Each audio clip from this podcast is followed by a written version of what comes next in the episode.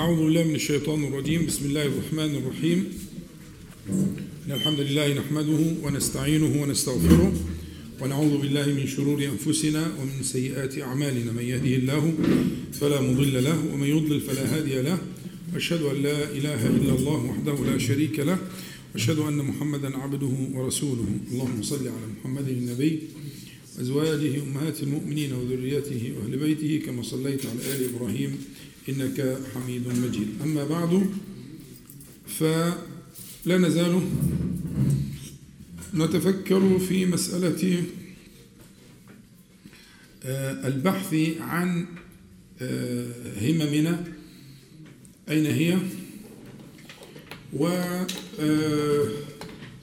ورجاء أن يجمع الله تعالى لنا همنا على النحو الذي بيناه في المجالس السابقة.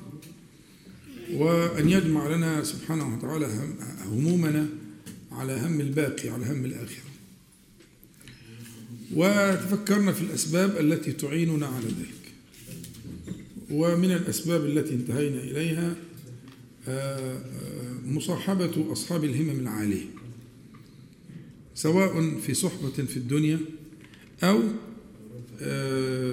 في مطالعة سيرهم يعني أن تصاحب أصحاب الهمة العالية في الحياة الدنيا. هذا أمر نفيس في رفع همتك.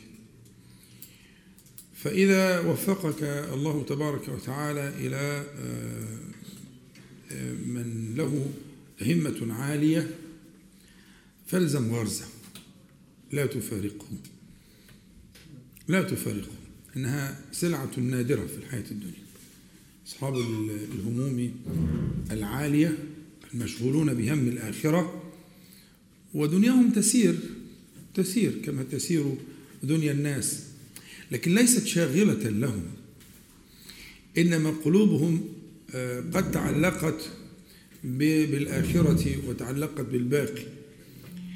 وتجد أحوالهم وحياتهم برهانا على ذلك. فإن وفقك الله تعالى إلى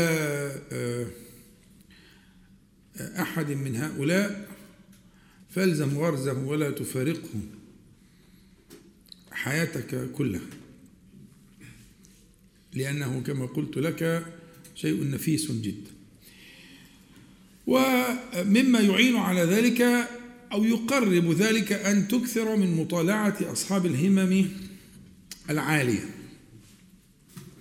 أن تطالع ذلك أن يبقى دايما باستمرار في ذكر لهؤلاء نتذكرهم فيما بيننا نحكي أحوالهم وندرسها ونقرأها ونعلمها إلى آخره. وأعلى همم البشرية كانت في الأنبياء والمرسلين. أعلى همم. جمع الله تعالى الأنبياء والمرسلين هممهم في الباقي ووحدها سبحانه وتعالى. وما تفرقت بس هذا نوع من الاصطفاء والاجتباء لا يقاس عليه. ليه؟ لأن النبوة لا تكتسب. النبوة لا تكتسب. فلا سبيل إلى اكتساب النبوة بالمجاهدات وبالعمل الصالح وبلزوم ذكر الله تعالى. ما لا, لا سبيل لا سبيل. لا سبيل. لكن تظل الأنبياء والمرسلون كالنجوم التي يهتدى بها في السير. يهتدى بها في السير. والله تعالى يقول علامات وبالنجم هم يهتدون. فنعرف شرقنا من غربنا وشمالنا من جنوبنا. نعرفه بنجوم الهدى اللي هم الأنبياء والمرسلون ثم بعد ذلك مباشرة بعد الأنبياء والمرسلين صلوات الله وسلامه عليهم أجمعين بعدهم نجد أصحاب النبي صلى الله عليه وسلم. نجد أصحاب النبي صلى الله عليه وآله وسلم في مقدمة البشرية كلها بعد الأنبياء والمرسلين. فستجد النماذج آه، آه، آه، الواضحة والمعالم النيرة التي تسيرك إلى الله تعالى بهمة عالية إذا ما فتشت عن أحوال الصحابة رضي الله عنهم. وهؤلاء يمكن بالمجاهدات لا يمكن أن تبلغ مرتبتهم ولكن يمكن بالمجاهدات أن تحذو حذوه وأن تدنو منهم. وبمحبتك لهم لعل الله تبارك وتعالى أن يجمعك بهم كما قال عليه الصلاة والسلام المرء مع من أحب يوم القيامة. ولا بأس أن يكون لك نوع من الاختيار. فتجد في ميل فطري كده بينك وبين مثلا آه، آه، آه، عبد الله بن عباس مثلا وتفكر في همته. وانت شفت القصة اللي حكيناها المرة اللي فاتت؟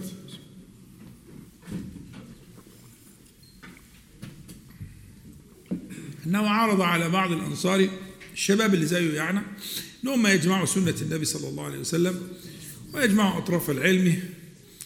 فسخر منهم الانصاري وقال له يعني أترى الناس يحتاجون إليك؟ وأصحاب محمد صلى الله عليه وسلم كما ترى كثر فلم يخذله ذلك.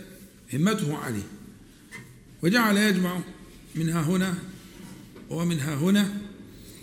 حتى حكى القصة التي حكى أنه كان ربما يذهب للحديث عند الرجل من أصحاب النبي صلى الله عليه وسلم فيجده قائلا يعني نائما في وقت القيلولة فيتوسد عتبة بابه وتسفيه الرياح. آه فإذا خرج وجد ابن عباس رضي الله عنهما متوسدا العتبة وقد غطته الرمال الرياح. الرياح حملت الرمال فغطته.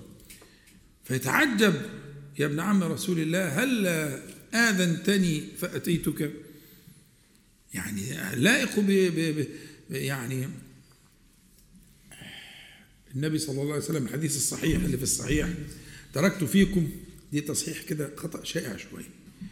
تركت فيكم ما إن تمسكتم به لن تضلوا بعدي أبدا. كتاب الله وعترتي الثاني وسنتي صحيح لكن ليس هو الذي في الصحيح.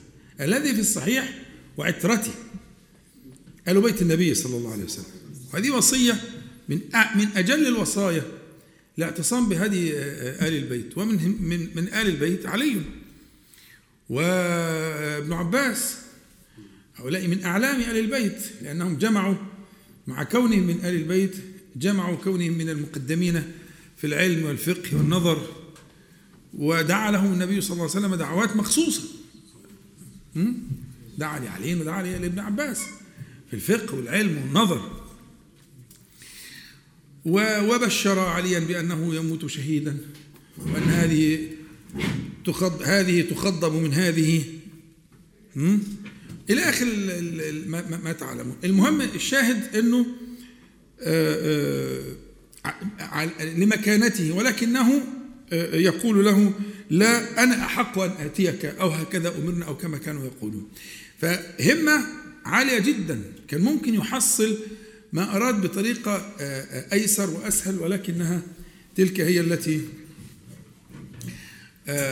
أريدك أن تفكر فيها. ذكرنا في المرة السابقة كذلك همة آه، آه، أبي هريرة رضي الله عنه. وأن أن أبا هريرة رضي الله عنه كان يصحب النبي صلى الله عليه وسلم بملء بطنه. لم يكن يجمع من حطام الدنيا شيئا البتة حتى فارق النبي صلى الله عليه وسلم الدنيا. وبعد كده ربنا وسع عليه جدا جدا. ها؟ لكن لغاية ما فرق النبي صلى الله عليه وسلم الدنيا لم يكن يحرز من الدنيا شيئا. ولا حتى اللباس ولا حتى أي حاجة إلا هي الحتة اللي عليه وخلاص.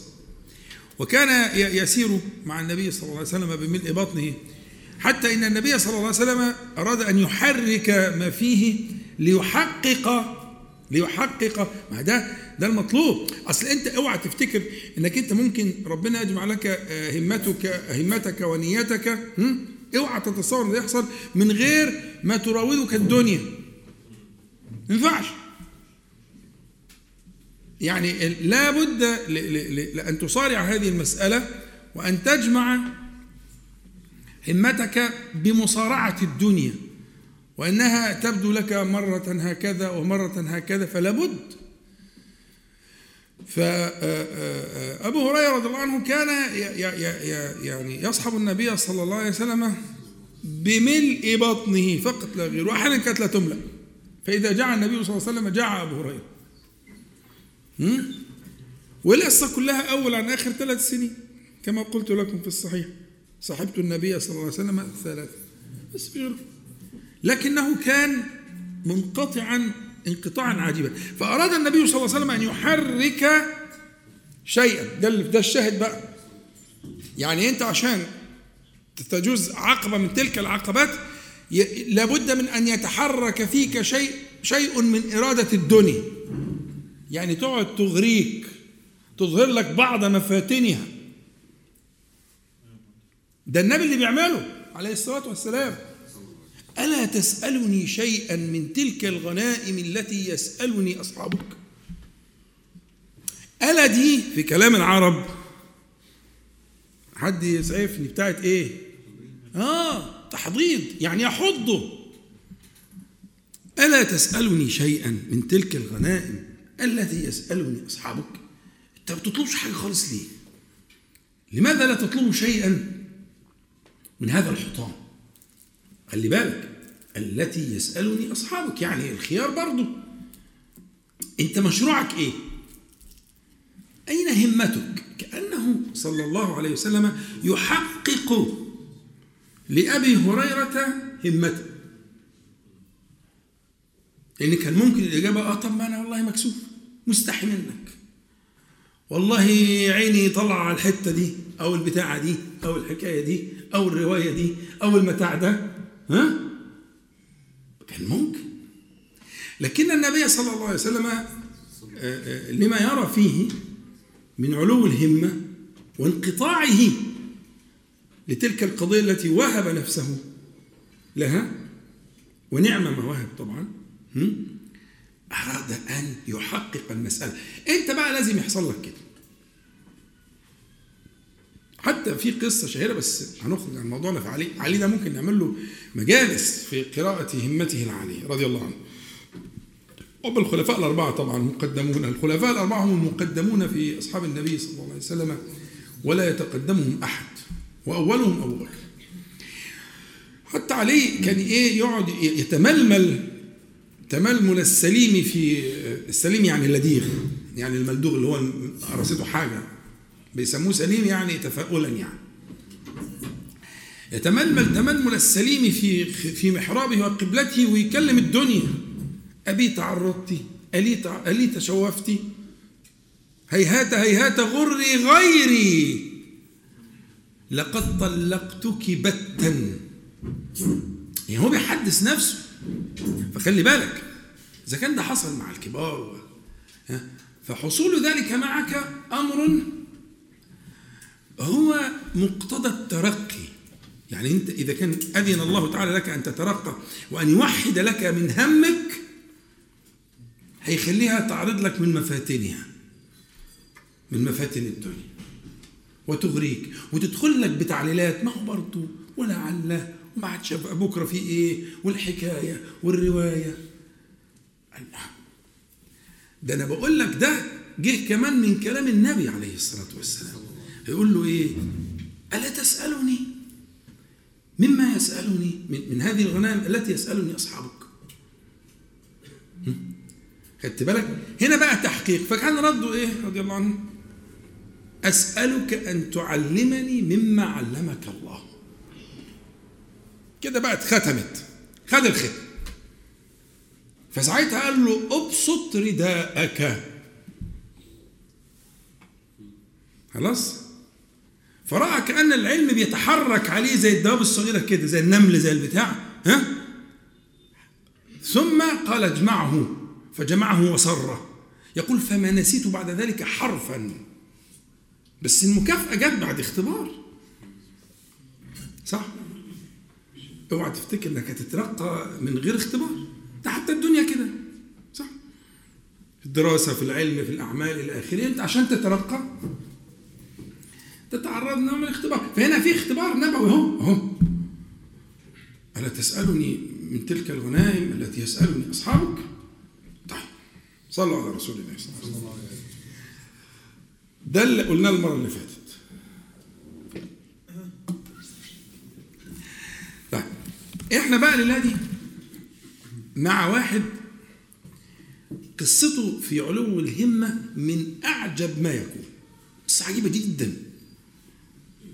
ومروية بسند صحيح وحسن في مسند الإمام أحمد. وهو الحقيقة عايزين بس إيه يعني نتعرف شيئا ما عنه حتى إذا يعني ربنا أكرمنا.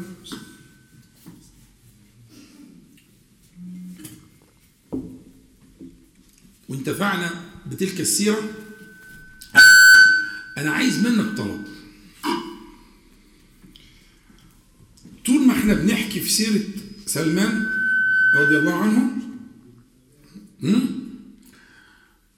هو ده مطلوب ليه؟ انت كده قفلته؟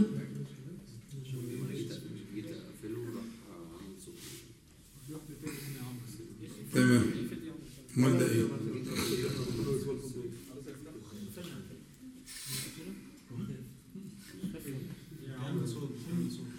طيب صلوا على رسول الله صلى الله عليه وسلم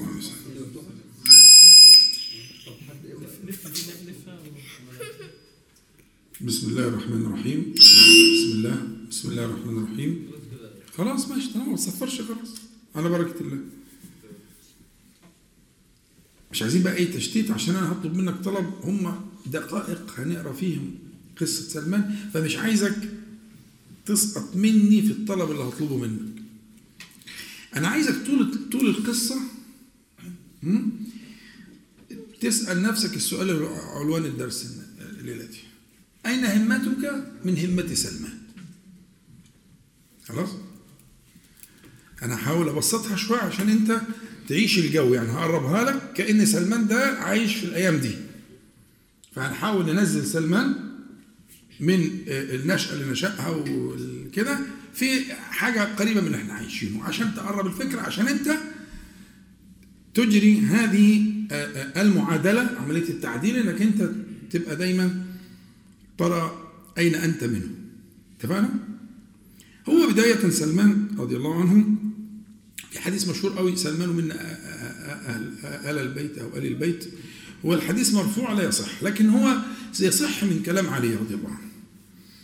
يعني قالوا لعلي أخبرنا عن سلمان قال أدرك العلم الأول والعلم الآخر بحر لا ينزح قعره هو منا أهل البيت.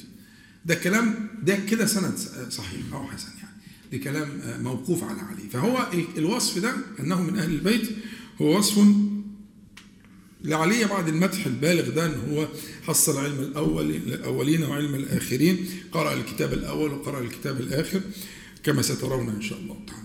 فكونه من أهل البيت هو من كلام علي. ربما يكون من اجتهاد عليه وربما يكون سمعه من النبي صلى الله عليه وسلم فحكاه. لكن هو إلى النبي لا يصح يعني كسند لا يصح. لكن إلى علي إلى علي رضي الله عنه يصح سنده وهو سلمان توفي في خلافة عثمان رضي الله عنه حوالي سنة 33 هجرية توفي سلمان. وله قصة بقى في شهود والمشاهد مع النبي عليه الصلاة والسلام هتبان في الإيه في الترجمة بتاعته اللي هنقراها كلمة كلمة إن شاء الله. وكان له أوصاف خاصة بيه جدا يعني كان عنده من رجاحه العقل والحكمة والنبل ما يعني حكاه عنه الذهبي في الترجمة. في سير أعلام النبلاء قايل في أوصاف جميلة جدا تدور كلها في المعنى ده العقل والاجتهاد في العبادة والنبل أنه كان من النبلاء وكان حكيما رضي الله عنه. فنشوف بقى مع بعض قصة سلمان كما هي هي قصة طويلة يعني هو ال ال القصة طويلة بس تستحق القراءة كلمة كلمة بشيء من التفكر عشان نشوف أين كانت همة هذا الرجل؟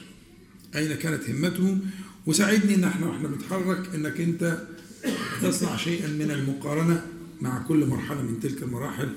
أين أنت من هذه الهمة العالية؟ تمام؟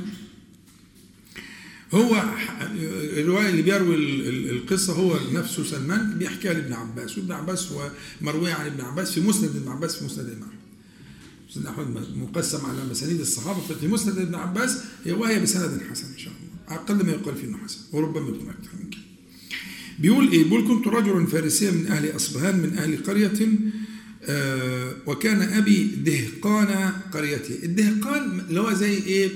رئيس التجار كده أو كبير التجار أو يعني أكبر رأس مالي في الإيه؟ في القرية. هو الزعيم المالي والاقتصادي للقرية. وكان أبي دهقان تلك القرية. وكنت أحب خلق الله إليه فلم يزل به حبه إياي حتى حبسني في بيته. وده بيحصل في التربية أحيانا إن الإنسان من فرط حبه لولده يعزله عن الحياة. يخاف عليه. أي ملازم النار النار اللي هم بيعبدوها. يعني هم مجوس. كما تحبس الجارية. وأجهدت في المجوسية حتى كنت قطن النار. قطن النار يعني خادمها يعني هو المسؤول عن النار ما تخبوش. كل ما كده يبقى إيه قاعد في البيت والنار باستمرار كل ما تضعف يقويها الذي يوقدها لا يتركها تخبو ساعة. قال وكانت لأبي ضيعة يعني بستان ضيعة بستان كبير ضخم جدا زي عزبة كده. وكانت لأبي عندنا إحنا في العامية المصرية زي العزبة كده لأبي ضيعة عظيمة. قال فشغل في بنيان له يوما فقال لي يا بني إني قد شغلت في بنيان هذا اليوم عن ضيعتي فاذهب فاطلعها. يعني روح شوف بص عليها شوف كذا وكذا وكذا كذا في العزبة بتاعتنا للحتة الفلانية. وأمرني فيها ببعض ما يريد. حدد له المهام اللي يعملها. هو مش متعود يعمل معاه كده. فخرجت أريد ضيعته فمررت بكنيسة من كنائس النصارى فسمعت أصواتهم فيها وهم يصلون. وكنت لا أدري ما أمر الناس لحبس أبي إياي في بيته. مش عارف ده إيه. لا أدري ما أمر الناس. مش بيختلط بالناس. مرفه جدا. هو ابن أغنى واحد في القرية. ومعزول عن المجتمع ومش عارف. فشاف حاجة كده وأصوات وكده فتعجب منها. ف كنت لا أدري ما أمر الناس لحبس أبي إياي في بيته. فلما مررت بهم وسمعت أصواتهم دخلت عليهم أنظر ما يصنعون. قال فلما رأيتهم أعجبني صلاتهم ورغبت في أمرهم. وقلت هذا والله خير من الدين الذي نحن فيه. فوالله ما تركتهم حتى غربت الشمس وتركت ضيعة أبي ولم آتها. فقلت لهم أين أصل هذا الدين؟ قالوا بالشام. قال ثم رجعت إلى أبي وقد بعث في طلبي وشغلته وشغلته عن عمله كله. قال فلما جئته قال أي بني أين كنت؟ لم أكن عهدت إليك ما عهدت. ألم أكن عهدت إليك ما عهدت؟ قال قلت يا أبتي مررت بناس مررت بناس يصلون في كنيسة لهم فأعجبني ما رأيت من دينهم فوالله ما زلت عندهم حتى غربت الشمس. قال أي بني ليس في ذلك الدين خير. دينك ودين آبائك خير منه. قال قلت كلا والله إنه خير من ديننا. قال فخافني فجعل في رجلي قيدا ثم حبسني في بيتي. دي أول حاجة. إحنا عايزين نتصور خلي بالك. ده من أعلى أعلى رتبة اجتماعية في المجتمع صح؟ يعني ابن ناس ابن أكبر راس في البلد وأكبر مال وأكبر ضيعات وأكبر عزب وإلى آخره تمام؟ وأبوه هو نور عينين أبوه وروح قلبه ومستعد يعمل له أي حاجة وحبسه عن الدنيا كلها عشان خايف عليه تمام؟ فمن خوفه بقى قال لما راح المشوار ده وشاف الجماعة دول فإيه جعل قيدا في رجله من حديد. حتى إنه إيه بس إيه اللي بيحصل في في في هذا الشخص؟ إيه إيه اللي ما الذي يدور في قلبه وفي عقله؟ عايزين نبتدي نفكر مع سلمان ما الذي يفكر فيه؟ سلمان ملك في في بلده. كل ما يريد يجده كل ما يريده يجده. طيب. فخافني فجعل في رجلي قيدا ثم حبسني في بيته. قال وبعثت إلى النصارى فقلت لهم إذا قدم عليكم ركب من الشام تجار من النصارى فأخبروني بهم. قال فقدم عليهم ركب من الشام تجار من النصارى قال فأخبروني بهم. قال فقلت لهم إذا قضوا حوائجهم وأرادوا الرجعة إلى بلادهم فآذنوني بهم. قال فلما أرادوا الرجعة إلى بلادهم أخبروني بهم فألقيت الحديد من رجلي كان بيجهز نفسه للحظة دي فألقيت الحديد من رجلي ثم خرجت معهم حتى قدمت الشام. ما كانش معاه حاجة خالص. لا مال ولا جاه ولا أي شيء. وترك كل شيء. وخلي بالك أنت بتتكلم في, في يعني ما بين البلد اللي هو بيتكلم عليها دي في, في العراق يعني كده. فمن العراق إلى الشام وذهب معهم إلى الشام وترك كل شيء. طيب. يقول حتى قدمت الشام فلما قدمتها قلت من أفضل أهل هذا الدين؟ قالوا الأسقف في الكنيسة. على رأس الأسقف في الكنيسة. قال فجئت فقلت إني قد رغبت في هذا الدين. وأحببت أن أكون معك أخدمك في كنيستك وأتعلم منك وأصلي معك. قال فادخل. يبقى في مقابل أنه هيخدمه؟ هيقوي. تمام؟ قال فادخل. فدخلت معه. قال فكان رجل سوء. يأمرهم بالصدقة ويرغبهم فيها فإذا جمعوا إليه منها أشياء اكتنزه لنفسه ولم يعطه المساكين حتى جمع سبع قلال من ذهب وورق الورق اللي هو الفضة. سبع قلال من ذهب وورق قال وأبغضته بغضا شديدا. لما رأيته يصنع. طبعا أنا عايزك تبقى في الحالة النفسية اللي هو فيها دلوقتي يعني هو سببه وساب العز وساب اللي كانوا فيه وساب الدنيا دي كلها ورايح للنصارى اللي هو متصور إن هو هيلاقي ها؟ فلقى واحد ما شافش زيه وده ملوش خبرة في الدنيا. لقى واحد نصاب وافاك وبيستخدم الدين في جمع قلال الذهب والورق. سبع قلال ها؟ القلال دي ممكن تكون حجمها ضخم جدا. لو قلال هجر يبقى حاجة بنتكلم في حاجة كبيرة قوي يعني. ها؟ المهم كان رجل سوء كما يقول سلمان رضي الله عنه. ف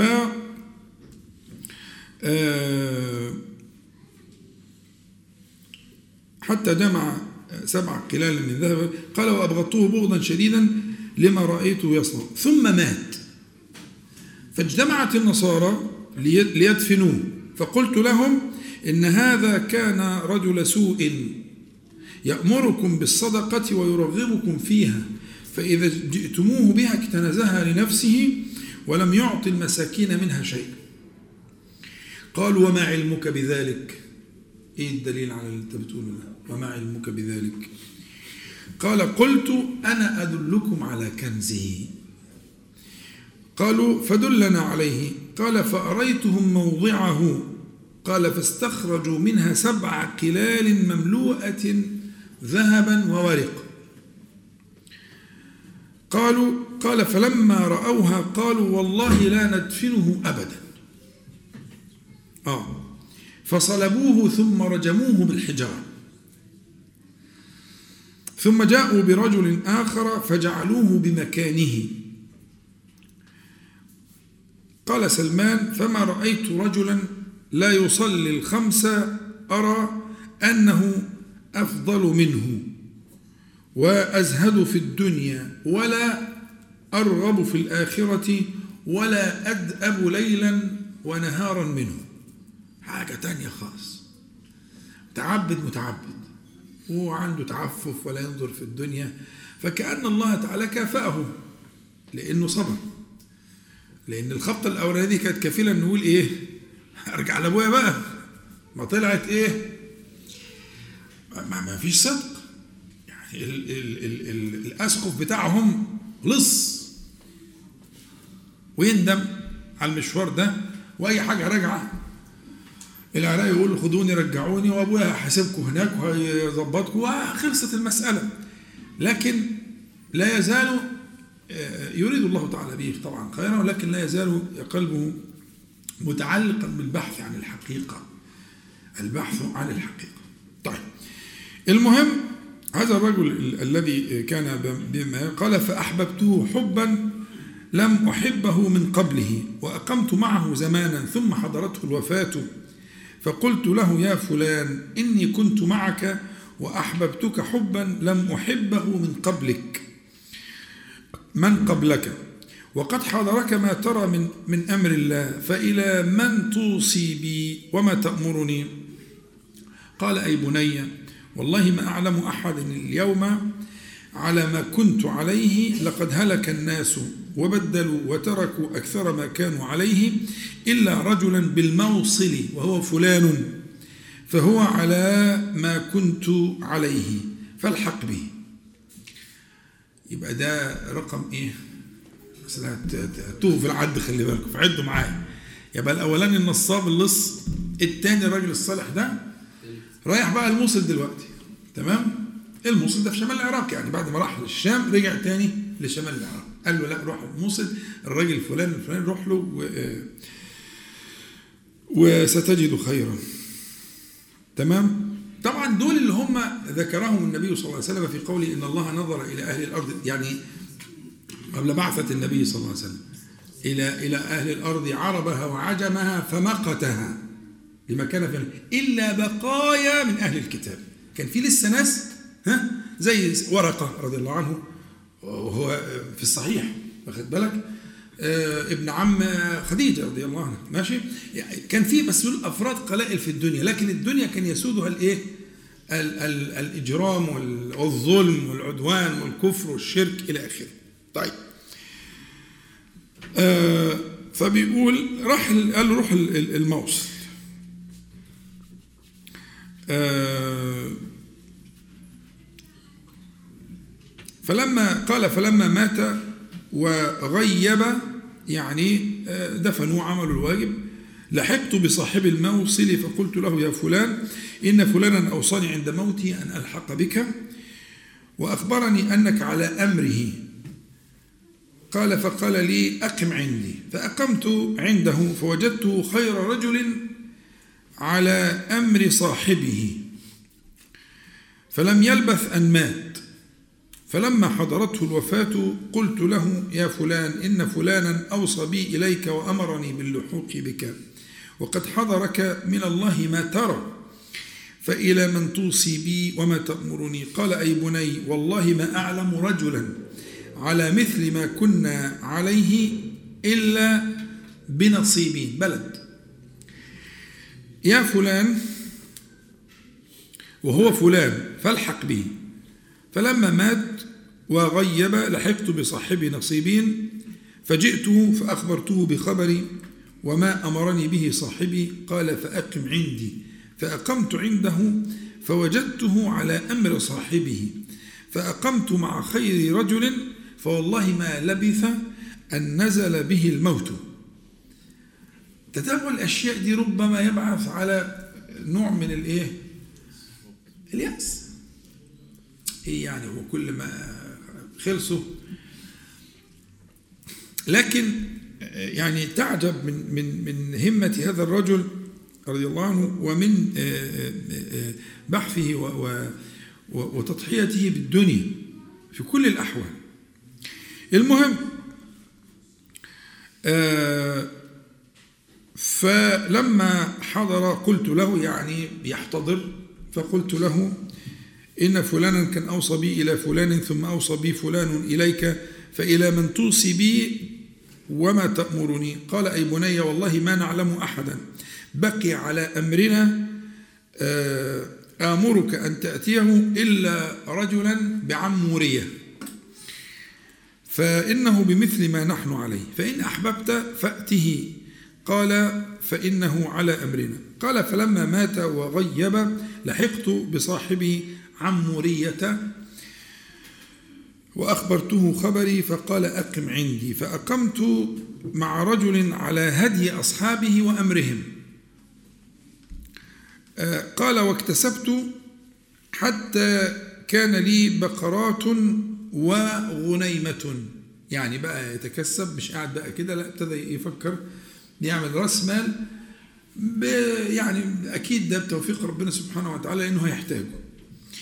حتى صار له بقرات وغنيمات يعني عدد قليل من الغنم. يعني. قال ثم نزل به ما آه، ثم نزل به أمر الله. فلما حضر قلت له يا فلان إني كنت مع فلان فأوصى بي إلى فلان إلى فلان إلى فلان ثم أوصى بي إليك. فإلى من توصي بي وما تأمرني. حد بيعد ورايا ولا؟ طيب. وما تأمرني قال أي بني والله ما أعلمه أصبح على ما كنا عليه أحد من الناس. ما أعلم أحد أحدا من الناس آمرك أن تأتيهم خلاص إحنا خلصنا. ولكنه قد أظلك زمان نبي. قد أظلك زمان نبي. هو مبعوث بدين إبراهيم عليه السلام. يخرج بأرض العرب. مهاجرا إلى أرض بين حرتين. الحرة اللي هي الحجارة السود الضخام الكبار. فأول علامة أنه يخرج من العرب وأنه يهاجر من بلده إلى بلد بين حرتين بين بين الحجار الكلام ده طبعا موجود في التوراة. حافظينه هم حافظينه. ربنا تعالى قال يعرفونه كما يعرفون أبناءهم. فهنا بيقول والله إحنا خلاص حسب القراءة اللي في التوراة آه، قد أظل زمانه وسيخرج في أرض العرب على دين إبراهيم وسيهاجر من بلده إلى بلد بين حرتين. نعم. يعني التوراة ولا الإنجيل؟ لا ما هو ال ال ال الكتاب كان واحد. يعني هو الإنجيل الإنجيل جاء مكمل بنص القرآن الكريم جاء مكملا ومصححا للتوراة. فالتوراة معتمدة عند النصارى. يعني التوراة كتاب للنصارى. ولأحل لكم بعض الذي حرم عليكم يعني هو المسيح عليه السلام لم يأتي بشريعة كاملة مستقلة ها؟ لا إنما جاء مصدقا لما بين يديه. ولأحل لكم بعض الذي حرم عليكم إلى آخره. فيبقى الفكرة إن الإنجيل لوحده مستقل بس لا يكفي طبعا للنصارى. جاء القرآن فجب كل ما قبله لكن بالنسبة لهم كان الإنجيل للتخفيف وللرفع الأغلال والإصر إلى آخره. فكانت ال ال الأحبار دول لما بيدرسوا وبيذاكروا بيعلموا المخلصون منهم يقرؤون التوراة والإنجيل لأنه كتاب واحد. كتاب واحد. وعشان كده بيسموه العهد القديم والعهد الجديد اللي هم مع مع بعض الاثنين يعملوا حاجة اسمها الكتاب المقدس اللي هو مجموع الاثنين على بعض. كل ده طبعا حصل له وصل إليه التحريف إلى آخره لكن لا تزال فيه بعض الأمارات التي نشير اليه المهم فقال له أول صفة أنه يخرج في بلاد العرب وأنه على دين إبراهيم وأنه يهاجر من بلده وأنه يذهب إلى بلد بين حرتين تمام؟ بينهما نخل. بينهما نخل. به علامات لا تخفى. العلامات اللي موجودة في التوراة كتير. هو قال له على ثلاثة بس لكن العلامات الموجودة في التوراة كتير أكثر من ثلاثة. لكن في الرواية بتاعت سلمان هو قال له على ثلاث علامات. في في شخصه الكلمة كل ده علامات. يعني كل اللي ده من العلامات. لكن هيقول له علامات في الشخص الكريم صلى الله عليه وسلم نفسه. قال له به به به. علامات لا تخفى. يأكل الهدية ولا يأكل الصدقة بين كتفيه خاتم النبوة. ثلاث حاجات فيه هو شخصيا. والباقي ده أنت عرفته. يقول فإن استطعت أن تلحق بتلك البلاد فافعل. قال ثم مات وغيب فمكثت بعمورية ما شاء الله أن أمكث. ثم مر بي نفر من كلب تجارا. كلب دي قبيلة من أكبر آه، قبائل العرب. من أكبر قبائل العرب. فمروا به فقلت لهم تحملوني إلى أرض العرب وأعطيكم بقراتي هذه وغنيمتي هذه؟ قالوا نعم. فهنا كان ال- ال- المدخر ده اللي هو ربنا وفقه له نفعه في هذه الصفقة إن هم يحملوه إلى آه، إلى المكان الذي اراد فأعطيتموها وحملوني حتى إذا قدموا بي وادي القرى ظلموني فباعوني من رجل آه، من يهود. باعوني عبدا من رجل من يهود فكنت عبده الدنيا مش راضية تمشي. الكريم ابن الكرماء الشريف ابن الشرفاء العزيز ابن الأعزة المرفه اللي اللي اللي آخر المرمطة اتباع. وبقى عبد. وعبد عند مين؟ عند يهودي. خلاص. فخانوه طبعا وباعوه. هو في المهم فاللي حصل آه، فباعوني من رجل من يهود عبدا فكنت عنده ورأيت النخلة. في المكان اللي هو كان فيه. ورجوت أن تكون البلد الذي وصف لي صاحبي. آه، ولم يحق لي في نفسي فبينما أنا عنده قدم عليه ابن عم له من المدينة من بني قريظة. آه، فابتاعني منه. هنا بقى دي ما كانش فيه أي دخل له في المسألة. هذا الفعل الالهي ابن عمه قال له الواد ده كويس طب تاخده طب بكام؟ خد خده وخده وخده وروح بيه وداه فين؟ المدينة. فيعني برضه في موقف هنا يحتاج بعض التأمل. يعني ممكن أنت تخطيطك وسعيك و و تلاقيه جاب في الآخر صفر. ووراء الأكمة ما وراء. وراء التدبير تدبير؟ تدبيرك أنت جابك في الآخر إنك بقيت بقى عبد اتبعت مش كده؟ لكن وراء التدبير تدبير فابن عمه يهودي زيه من بني قريظة اشترى قال له خد خده معاه فابتعني منه فاحتملني إلى المدينة فوالله ما هو إلا أن رأيتها فعرفتها بصفة صاحبي. آه. فأقمت بها وبعث الله رسوله صلى الله عليه وسلم فأقام بمكة ما أقام. لا أسمع له بذكر مع ما أنا فيه من شغل الرق.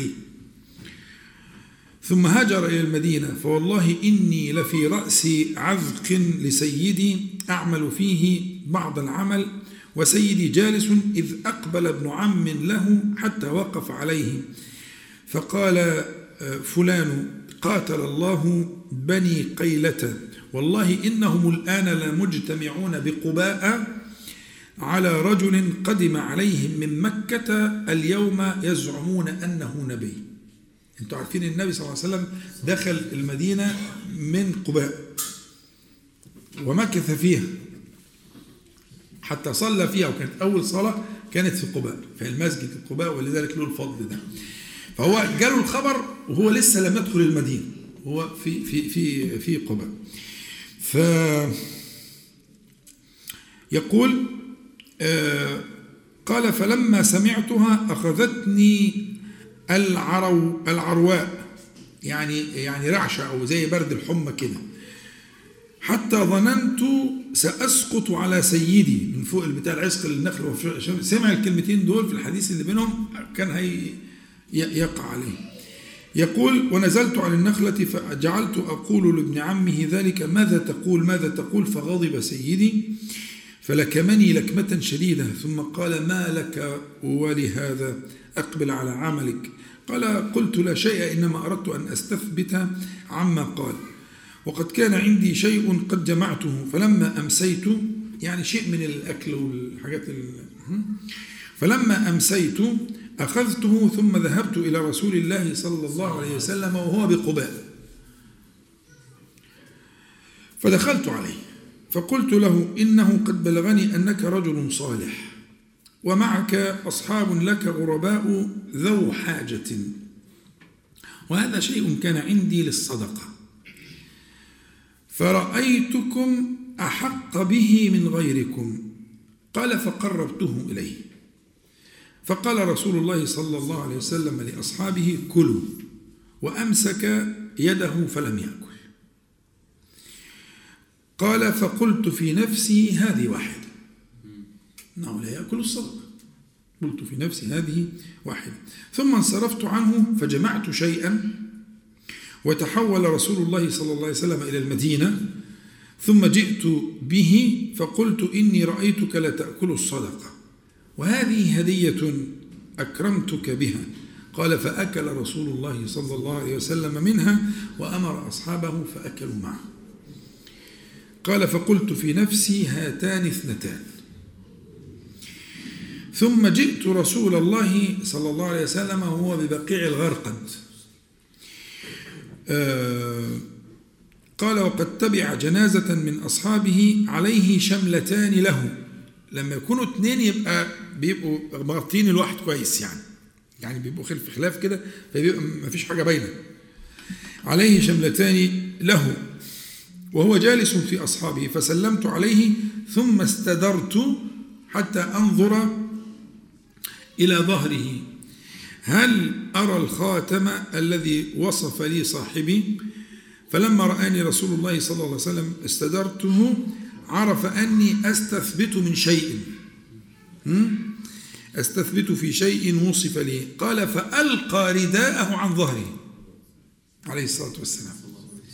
فألقى رداءه عن ظهري فنظرت إلى الخاتم فعرفته فانكببت عليه أقبله وأبكي. رحلة طويلة. وعلى فكرة ولا يزال رقيقا يعني لسه الرحلة ما انتهتش. لكن بلغه الله سبحانه وتعالى بصدقه ومجاهدته وبذله لكل شيء. بذل الدنيا كلها. وكانت بين يديه ألعوبة يصنع بها ما يشاء. لو أراد أن يكون ملكا متوجا أميرا لصنع ما يشاء. لكنه بذل ذلك كله في البحث عن الحقيقة وكانت له هذه الهمة الذي التي ترون. طب نوقف ونكمل بعد ده؟ آه يعني فاضل التلت اللي قلنا تقريبا أو أكثر شوية. شوفوا أنتوا عايزين إيه؟ نستمر؟ أنتوا ال طيب. صلوا على رسول الله صلى الله عليه وسلم. فأنا عايزك تعيش اللحظة دي بقى. فانكب بقى يبكي ويقبل أقدام النبي صلى الله عليه وسلم. خلاص بقى يعني هو إيه؟ بلغ المراد. حاجة اللي كان ربنا سبحانه وتعالى بلغه وراء الأمارات الثلاثة بعينه وبلغه الله سبحانه وتعالى مراده الذي كان يبحث عنه. المهم يقول فانكببت عليه أقبله وأبكي. فقال لي رسول الله صلى الله عليه وسلم تحول. يعني تعالى بقى. كان ورا. تحول. فتحولت فقصصت عليه حديثي كما حدثتك يا ابن عباس. كل اللي فات ده. حكى بقى للنبي صلى الله عليه وسلم. آه. كما حدثتك يا ابن عباس. قال فأعجب رسول الله صلى الله عليه وسلم أن يسمع ذلك أصحابه. أعجبه أن يسمع ذلك أصحابه. فكأنه دعا الصحابة وقال لهم اسمعوا. احكي الحكاية تاني. ها؟ يعني لما فيها لأن فيها يعني إحنا لو قعدنا نطلع الفوائد اللي فيها ممكن نكتب فيه دفتر كامل في الفوائد في هذه الشخصية وهذا القلب وهذه الهمة العجيبة. المهم ثم شغل سلمان الرق. حتى فاته مع رسول الله صلى الله عليه وسلم بدر وأحد. ثم قال لي رسول الله صلى الله عليه وسلم كاتب يا سلمان. فكاتبت صاحبي. كاتب يعني إيه؟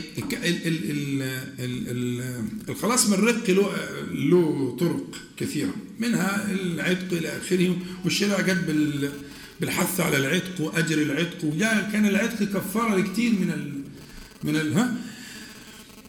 لكن من الطرق المكاتبة. يعني إن العبد يكاتب السيد المالك على مقدار من المال يجيبه له بس يسيبه يشتغل لأن هو أصلا العبد العبد ده ملوش ذمة مالية. العبد ملوش ذمة مالية. يعني عمله لسيده. فيتفق معاه. سيبنا اشتغل لحالي. على مقدار معين نتفق عليه. فإذا وفيت لك ما اتفقنا عليه أكون حر. ولذلك اسم العبد المكاتب اللي هو بينه وبين سيده عقد آه، إذا وفاه أعتق. فالنبي صلى الله عليه وسلم قال لسلمان كاتب. كاتب يا سلمان كاتب اليهودي. اجعل بينك وبينه مكاتبة فكتبت صاحبي على ثلاثمائة نخلة أحييها له بالفقير. إيه الفقير؟ الفقير المادة كلها بتدور على الإيه؟ يعني يعني هي الفقير هو الحفرة الصغيرة تحفر في الأرض كده وتوضع فيها الفسيلة النخل بتعمل كده. واخدين بالكم؟ يعني ال ال ال النواة تستنبت. فالنواة تعمل حاجة اسمها إيه؟ الفسيلة الفسيلة دي بقى اللي بتتحط في حفرة ها؟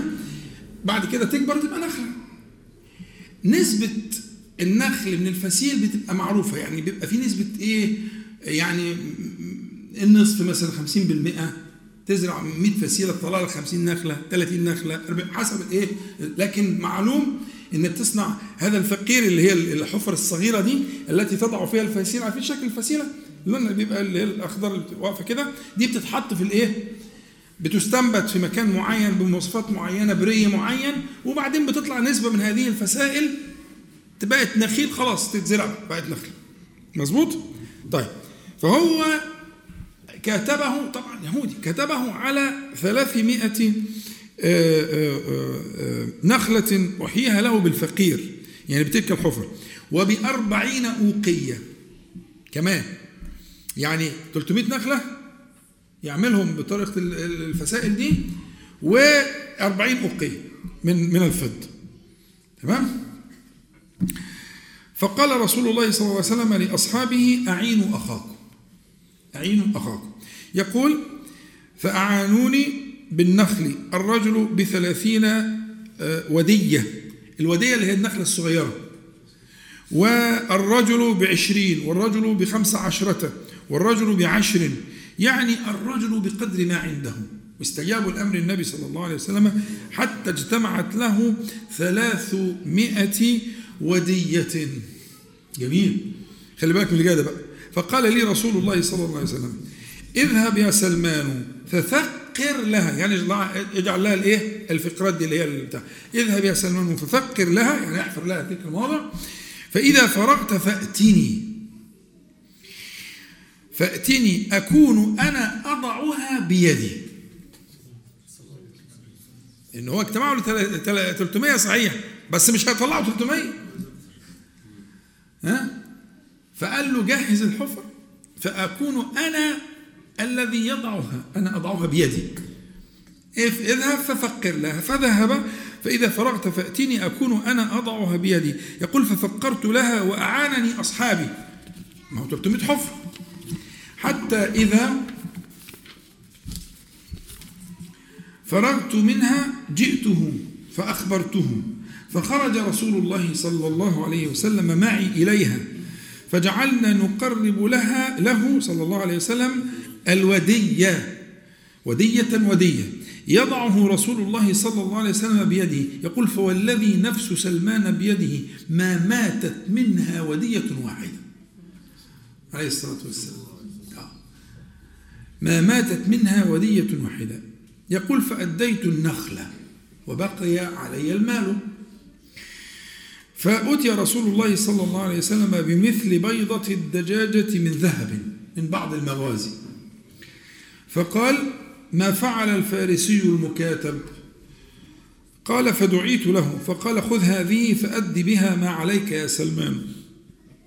فقلت وأين تقع هذه يا رسول الله؟ مما علي. دي قد البيضة مش هتكفي.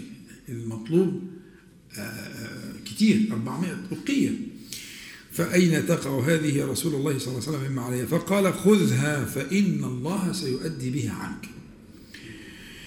قال فأخذتها فوزنت لهم منها والذي نفس سلمان بيده أربعين أقية فأوفيتهم حقهم وعتقت فشهدت مع رسول الله صلى الله عليه وسلم الخندق ثم لم يفتني معه مشهد. وطبعا كان له في الخندق آه، آه، هو صاحب الفكرة. يعني هو فكرة الخندق دي هو الذي قال له إنهم كانوا في بلادهم يصنعون ذلك بتاع العرب لم تكن تعرف ذلك فحتى سورة الخندق باسم الخندق وفكرة الخندق انها انه سلمان رضي الله عنه فأراد الله تبارك وتعالى أن يجري هذا الفضل وهذا الخير عليه. فأول ما لقي مع النبي صلى الله عليه وسلم لقي الخندق يعني وفاته اللي قبليه وبعد ذلك طبعا لم يفرق النبي صلى الله عليه وسلم حتى آه، إن بعض العلم يقول إنه كان من موالي النبي صلى الله عليه وسلم إنه الذي يعني ساهم في اعتقه أو أعتقه.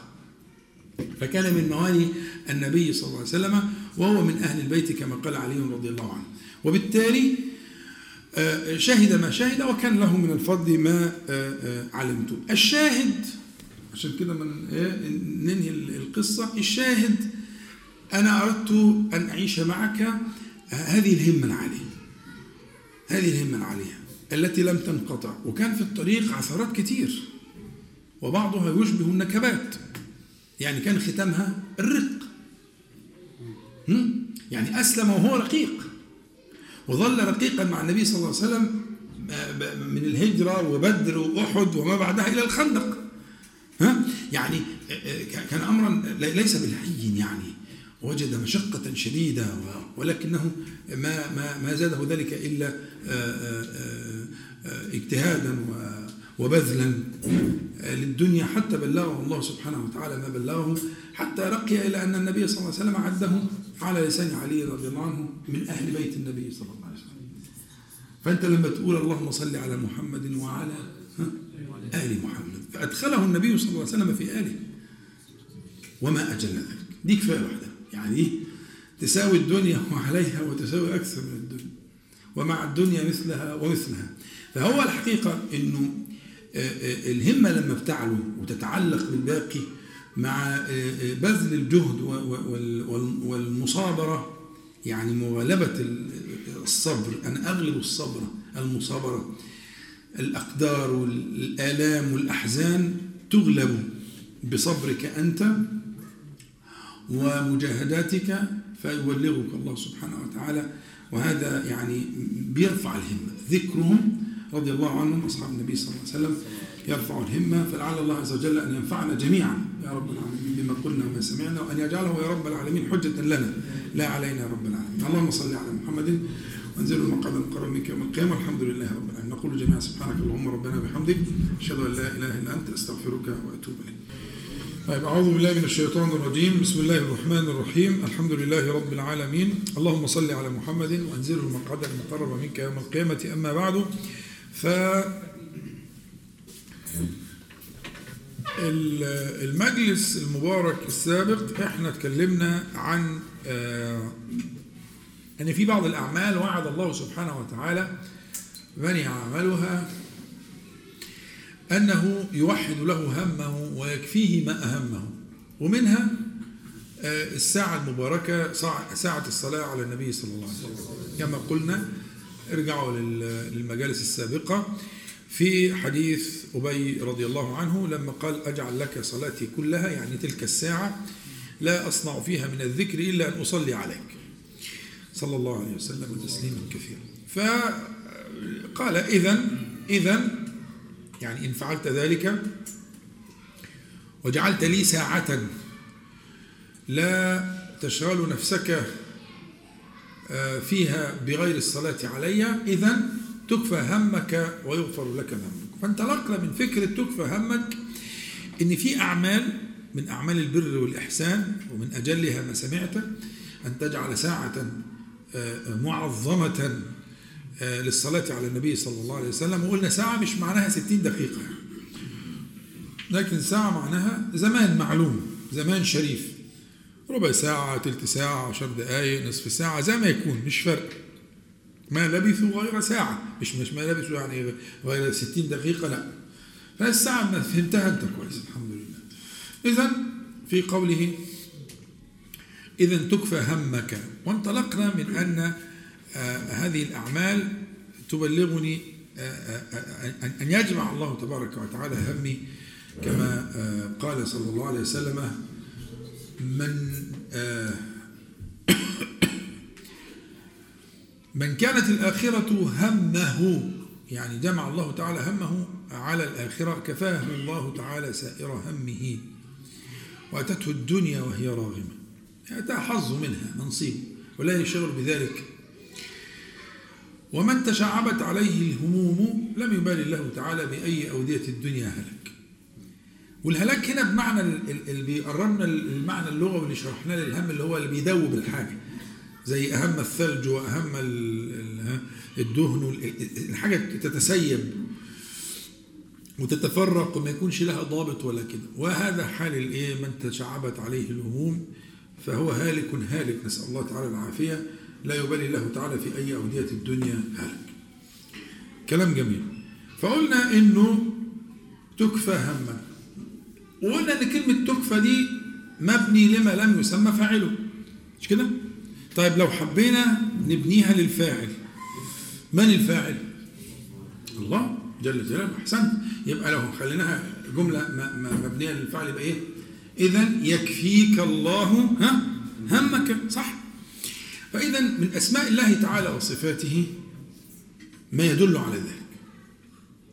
ما يدل أنه يكفي العبد همه. يعني أن يجمع للعبد همه. يكفي همه أن ينقطع الهموم ما هموم خالص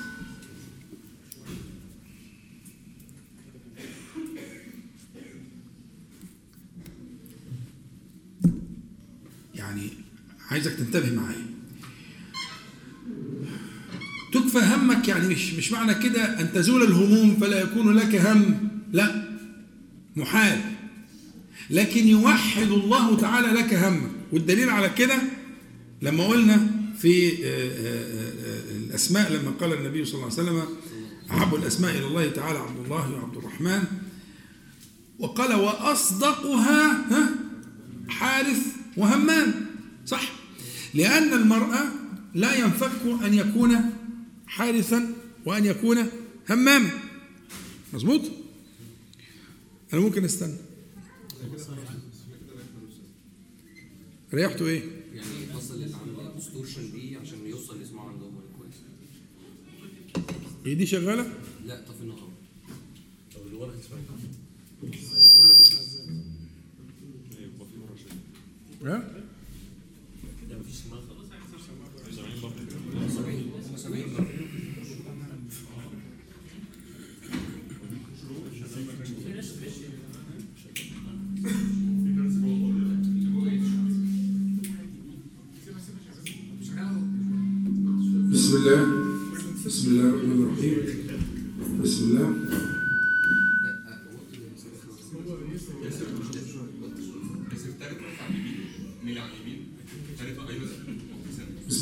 الرحمن الرحيم. بسم الله الرحمن الرحيم. كله تمام كده؟ صلوا على النبي عليه الصلاة والسلام. وركزوا كده عشان إيه؟ مسألة توحيد الهموم دي مش معناها إزالة الهم. إزالة الهم يعني الإنسان يموت. يبقى مات. لكن طول ما الإنسان عايش طول ما الإنسان حي يبقى له هم. كما قال عليه الصلاة والسلام وأصدقها حارث وهمان فالإنسان أصلا بجبلته فطرته خلقته ده محل اختبار وابتلاء أن يكون همام. لا يفتأ بالهم كل ساعة. اللي ربنا بياخد بإيده بقى في المقام ده يوحد له همه. فيبقى القلب مشغول تيجي الهموم التانية تلاقي المحل مشغول. يعني إيه؟ يعني إن إن إن القلب امتلأ شغلا بشيء. فالواردات لازم تيجي. واردات الهم بتاع الدنيا لازم تيجي. فتيجي واردات الدنيا تجد المحل إيه؟ مشغولا تجدوه مشغولا فتنصرف. فإذا أراد الله بعبد خيرا شغل له قلبه بالباقي. فتجيله بقى ال- الواردات. متعلقة بالفاني هي لازم تيجي تيجي تلاقي القلب مشغول بالإيه؟ مشغول بال- بالباقي فتنصرف إذا فكلمة تكفى همك يعني همك من الفاني. ويبقى همك من الباقي. دي لو ترجمناها بقى. فسرنا إحنا كلام النبي صلى الله عليه وسلم في إيه؟ في مسألة حديث أبي رضي الله عنه. إذا تكفى همك يعني من الفاني. كفاية يبقى فيه يكفيك. ها؟ ويبقى همك من الباقي في قلبك. طيب. فقلنا إن في في أسماء الله تعالى وصفاته ما يحمل هذا المعنى وما يأخذ بأيدينا إلى معنى أن الله سبحانه وتعالى آه، آه، آه، يكفي عباده الصالحين المقبلين عليه سبحانه وتعالى يكفيهم ما أهمه. المرة اللي فاتت درسنا اسم الله تعالى الحسيب واسم الله تعالى الكافي. تمام؟ وإن الآيات والأحاديث اللي فيها كانت جميلة وأرجو أن ترجعوها لأهمية الموضوع.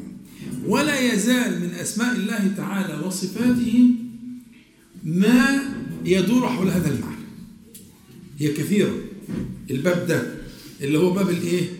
باب الكفاية والرعاية وما في معناه؟ فمع الحسيب ومع الكافي جل جلاله من أسمائه وصفاته العلى تجد اسم الله تعالى المقيت. تجد اسم الله تعالى المقيت. اسم الله تعالى المقيت مذكور في آه، موضع واحد في القرآن الكريم في سورة النساء. من يشفع شفاعة حسنة يكن له نصيب منها ومن يشفع شفاعة سيئة يكن له كفل منها وكان الله على كل شيء مقيت. كده نص اهو. تمام؟ طيب يبقى إيه معنى المقيت في جناب الله تعالى في هذه الآية؟ وفي ما في معناها من الآيات والذكر. الحديث. تمام؟ إحنا هنأخر الآية شوية. ليه؟ لأن الآية في الحقيقة فيها تضمين. ليه؟ علشان تعدد بحرف على والمقيت أصلا يقيت عباده مش عايز حرف تعدي يعني أقاته يقيته. فهو مقيت. لكن إحنا لقينا الآية على مقيت على. ففيها تضمين. فخلوها شوية عايزة شغل خلوها شوية ندرسها إن شاء الله. بس هظبطها لكم يعني بس المهم الأول إيه؟ نتدرج في معنى أقات يقيت والقوت والحاجات اللي زي كده. تمام؟ عندنا في الحديث أن النبي النبي صلى الله عليه وسلم يقول كفى بالمرء إثما أن يضيع من يقيت. قلت لكم قبل كده كفى بالمرء إثما أن يضيع من يقيت. قلنا قبل كده ان حكاية كفى بكذا وكفى به كذا وكفى بكذا إلى آخره تعني إيه؟ أنه ليس آه، آه، آه، بعد ذلك محل لغير المذكور. يعني كفى بالمرء إثما مثلا أن يحقر أخاه المسلم. مظبوط؟ معناها إيه؟ معناها لم يعد في صحيفته مكان لآثام أخرى. يعني كفى كفى معناها كده. يعني كفى بالمرء إثما ها أن يحقر أخاه المسلم. يعني هذه دي في مبالغة طبعا. هذه من الخطر بانها تكاد على معنى المبالغه تكاد تسود الصحائف كلها فلا يوجد في صحيفته مكان لمزيد اثم على معنى المبالغة مفهوم؟ فهمنا معنى كفى دي؟ وكفى بالله وكيلا وإلى كفى كفى دي معناها كده. إن المحل المذكور ده لم يعد فيه مكان لغيره. مظبوط؟ يبقى هنا لما النبي عليه الصلاة والسلام يقول كفى بالمرء إثما أن يضيع من يقيت يعني من الآثام التي تسود صحائفه كلها. فلا يبقى مكان لمزيد سواد. أن يضيع من إيه؟ يقيت. يبقى اقات يقيت الذين يقيتهم. إذا ضيعهم اللي ربنا سبحانه وتعالى جعلهم آآ آآ يعني كلفه بأن يقيتهم. وطبعا هو المقيت على الحقيقة هو الله تبارك وتعالى. ولكن هو هيبقى وسيلة أو سبب من الأسباب لأن يقيت هؤلاء المذكورين. يبقى أقاته يعني بلغه قوته. والقوت هو ما يقيم الشيء يعني يقيم الضروري. هو, هو, هو الذي تقوم به الأشياء. فأن يضيع من يقيت يعني أن يضيع أن أن يضيع ما له من حق في الكساء والغذاء والدواء والرعاية والتربية والإيمان. وحملهم على الصلاة والذكر إلى آخره. فإذا المادة نفسها مادة أقات يقيت واسم الفاعل منها مقيت معناها هو الذي يقوم على حاجة الشيء حتى يقيمه. ولولا ذلك ما قام الشيء. يعني إن الله سبحانه وتعالى المقيت لسه ما وصلناش لآية النساء هرجع لها تاني إن شاء الله. إن الله تعالى المقيت يعني هو سبحانه وتعالى الذي يعطي كل إنسان حيوان ونبات وكل حي وكل جماد سبحانه وتعالى قوته أو قوته على ممر الأزمان والأوقات شيئا بعد شيء يمدها سبحانه وتعالى بأقواتها بما بما جعله جعله قياما لها فقامت بأقواتها التي قدرها الله سبحانه وتعالى لها. فإذا أراد إنهاءه حبس القوت عنه. يعني ال ال ال ال الذي يحيا والذي يقوم في الكون إنما هو قائم بقوت الله تعالى. فإذا قطع قوته يبقى انتهى. يبقى القوت هو ما يقيم المخلوق من نبات وحيوان وإنسان ها؟ ودي أقوات الناس. ولذلك إحنا في في سورة في سورة فصلت ربنا سبحانه وتعالى يقول وجعل فيها رواسي من فوقها وبارك فيها وقدر فيها أقواتها. في أربعة أيام سواء للسائلين يعني وقدر فيها يعني وقدر فيها ما يلزم لإحياء من فيها ولقيامهم. إلى يوم القيامة. يستوي في ذلك النملة في جحرها والحوت في بحره والإنسان والشجر كل كل شيء يستوي في ذلك. قدر أقوات ما يقيت هذه الأشياء ما يقيمها. فلا تقوم هذه ولا تحيا ولا تستمر حياتها إلا بما أمدها الله سبحانه وتعالى من من القوت. الأهل العلم والقرطبي بالذات على وجه الخصوص في في في في تفسيره وفي كتابه الأسنى من أجمل الكتب اللي اتكلمت في الأسماء والصفات بيقول إن هو في الحقيقة إن القوت إما أن يقود يكون قوتا للأبدان أو أن يكون قوتا للأرواح. فالقوت على الحقيقة بيقول كده لأن زي ما الأبدان بتحيا وتموت كذلك القلوب ها بتحيا وتموت بنص القرآن. فقال إن حياة القلوب أن يصرف لها قوتها الذي يحييها؟ كحياة الأبدان وقلنا إذا قطع قوت البدن مات البدن. وإذا قطع قوت القلب أو الروح ماتت الروح. فأن يقيتها سبحانه وتعالى بشهود أسمائه وصفاته. هو بيقول كده. وده من أجمل ما يقال. أنه أن أن ال ال ال أن حياة الروح بما يقيتها الله سبحانه وتعالى بما يدلها على أسمائه وصفاته. فتشهد من أسماء الله تعالى وصفاته ما تحيا به تلك القلوب. وبالتالي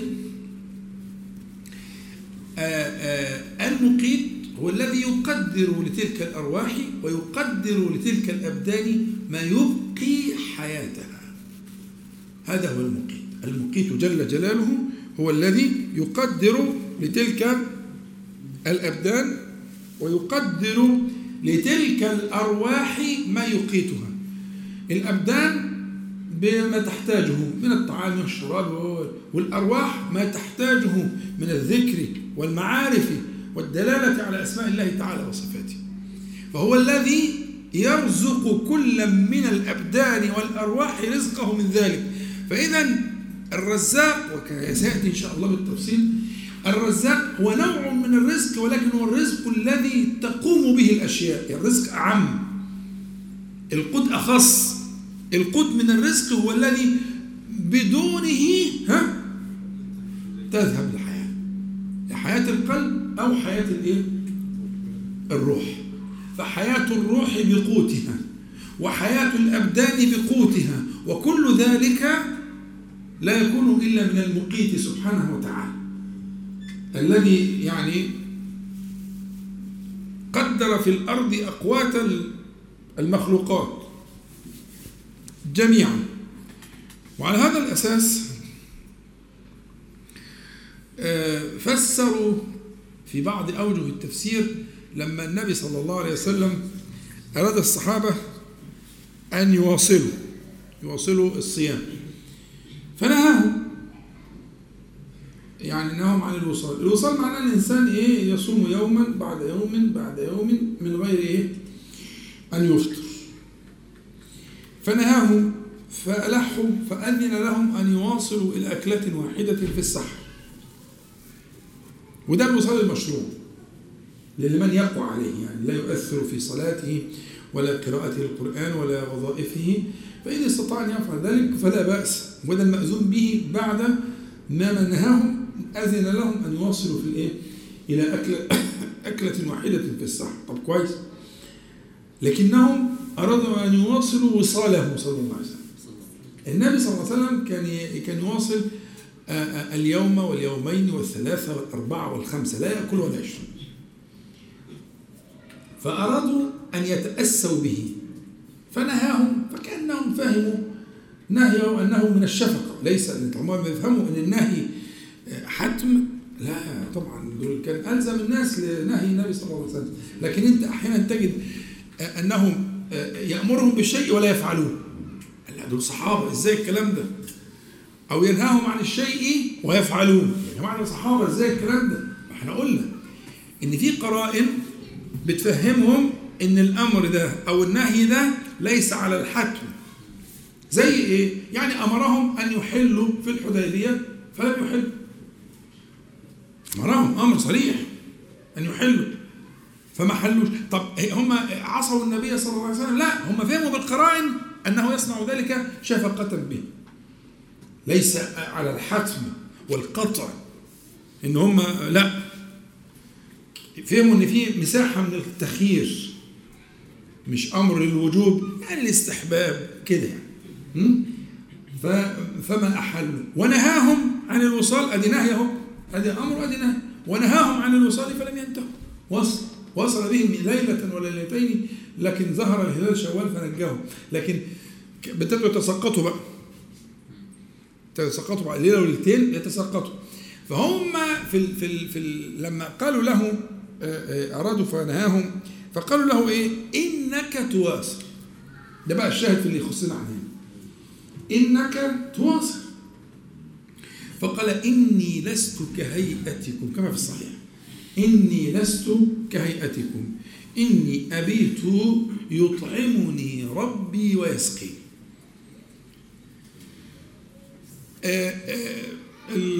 الإمام القرطبي وغيره من لهم النزعة دي وهي نزعة أنا أميل إليها أنهم يقولون أن هو ده معنى القوت الذي كان يقوت به قلبه الشريف صلى الله عليه وسلم. أنه كان يقيت قلبه بالمعارف والأنوار التي كان يطالعها فكان لا يحتاج. وهو من القوت اللي هو القوت الأرواح. وروح النبي صلى الله عليه وسلم هي أطهر روح خلقها الله تعالى. هي أطهر الأرواح قولا واحدا. فهذه الروح الطاهرة كان يقيتها سبحانه وتعالى وعبر النبي صلى الله عليه وسلم على ما يعقل الناس بقوله إنما أبيت يطعمني ربي ويسقين فبيستدلوا بكده على إن الأرواح لها قوت والأبدان لها قوت. والذي يقيت الأرواح ويقيت الأبدان هو الله لا إله إلا هو ولا رب سواه سبحانه وتعالى. فالمقيت هو الذي هذا يعني باب من الرزق خاص. باب الأقوات باب من الرزق خاص. نرجع بقى لآية إيه؟ آية النساء. هي آية النساء جاية في السياق هيطول شوية بس عشان أنا اتأخرت لكن كان بصراحة كنت عايز أجيب لكم الآية اللي قبليها. قاتل في سبيل الله لا تكلف إلا نفسك وحرض المؤمنين عسى الله. لها ارتباط بينها بس خليها المرة الجاية فكروا لأن هتاخد وقت. عشان نربط بين الآيتين. لكن هي الآية اللي بعديها مباشرة من يشفع شفاعة حسنة يكن له نصيب منها ومن يشفع شفاعة سيئة يكن له كفل منها. المقدمة مهمة عشان نقول وكان الله يعني في ارتباط. تمام؟ فنفهم حكاية من يشفع شفاعة حسنة الشفاعة يعني يدعو دعوة صالحة أو يكون سبب في خير للناس. شفاعة حسنة يكن له نصيب منه. يشفع شفاعة سيئة هي أصل الشفاعة لا تكون إلا في الخير. فهنا كلمة شفاعة سيئة دي بيسموها مشكلة. ما فيش شفاعة سيئة أصلا لكن الشفاعة لا تكون إلا حسنة. وكلمة الشفاعة تذكرها أنا شرحتها كتير لما كنا بنتكلم على الصلاة على النبي صلى الله عليه وسلم. ها؟ الشفاعة جاية من الشفع والشفع غير الوتر اللي هو إلحاق شيء بشيء. هو كان لوحده فألحقت به غيره فبقوا إيه؟ شفع. كان الأول إيه؟ وتر. فألحقت به غيره فبقى إيه؟ شفع. ف ف ف فالشفاعة أن تلحق أدنى بأعلى. هي دي الشفاعة. أن تلحق أدنى بأعلى فالأعلى كان لوحده كده. ها؟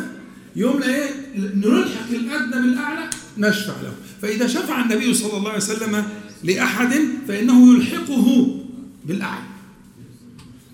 ها؟ سورة الطور. والذين آمنوا واتبعتهم ذريتهم بإيمان ألحق دي شفاعة. بس شفاعة الايه الولد. أو الوالد لأن الآية تحتمل الاثنين.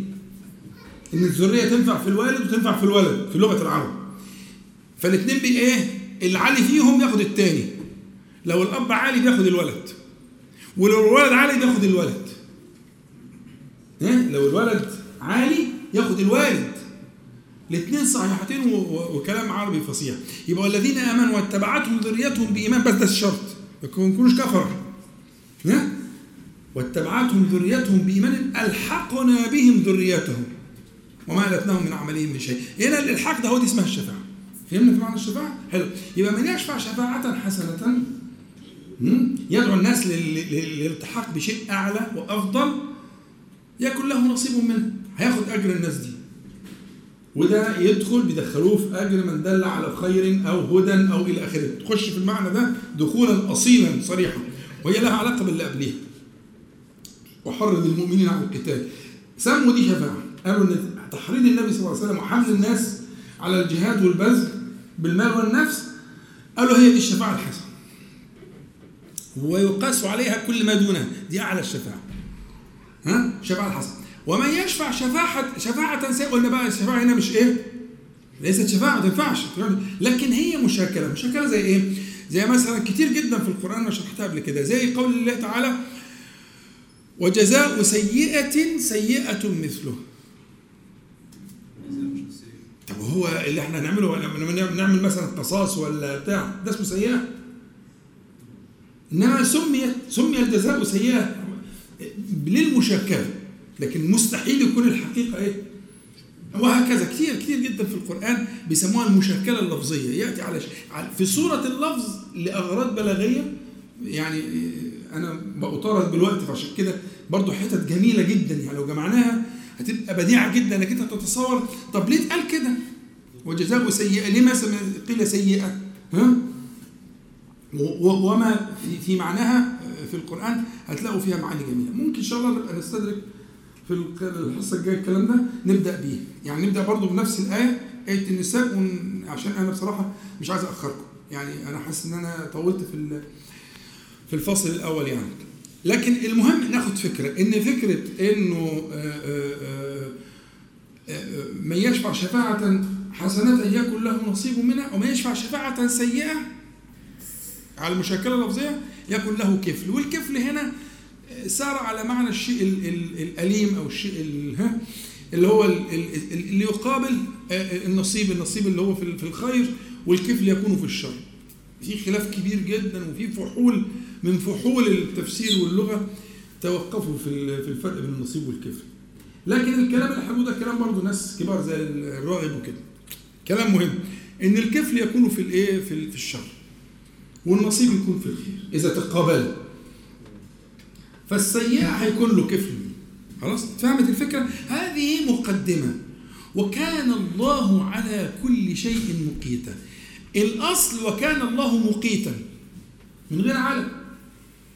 مقيت كل شيء. لأن المقيت قلنا اللي هو إيه؟ يقيت الأشياء. فهو مش عايزة مش عايزة حرف جر. أقاته يقيته. يتعدى بنفسه. زي رزقه يرزقه. مظبوط؟ ما ما ينفعش أقول وكان الله على كل شيء رازقا. واختها بالظبط؟ وكان الله رازقا للعباد.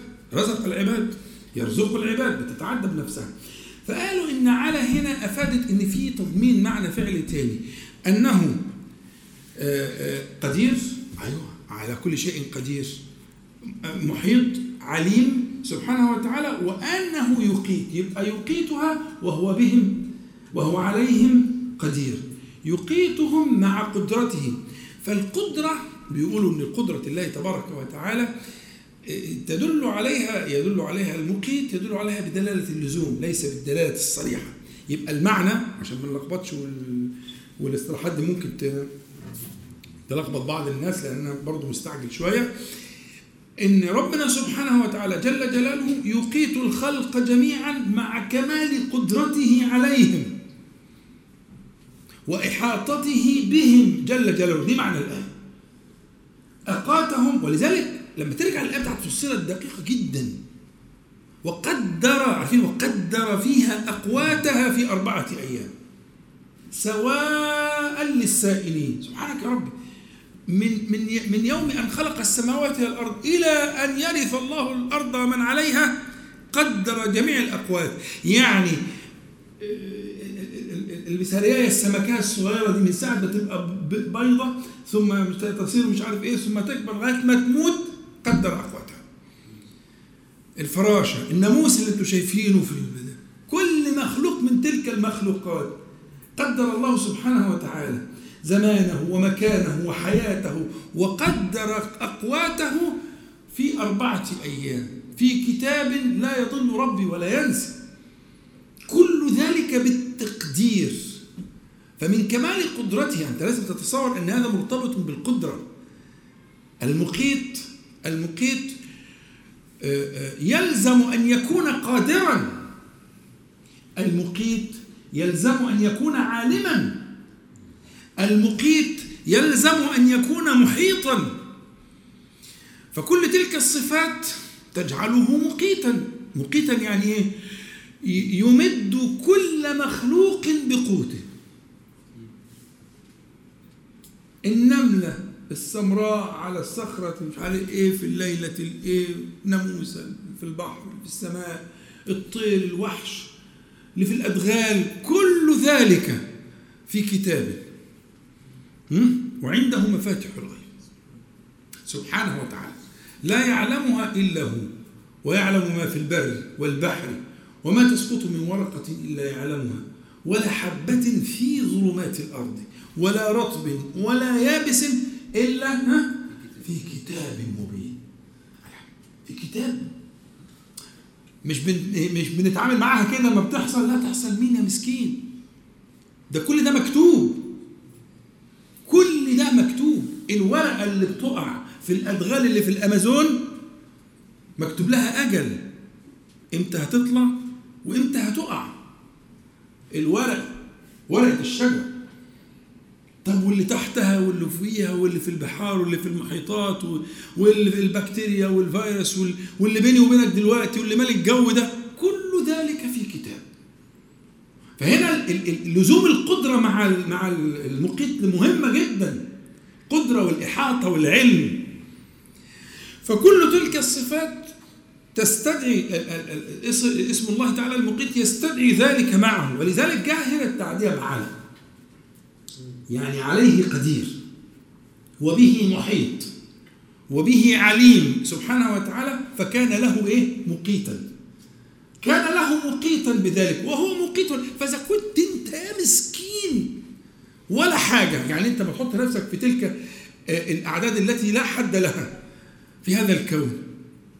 إيه؟ الآن في إيه؟ ما هو المقيت لك الذي اقات هذا الكون. بهذه ال- ال- ال- ال- الأعداد التي يعجز العقل عن تصورها.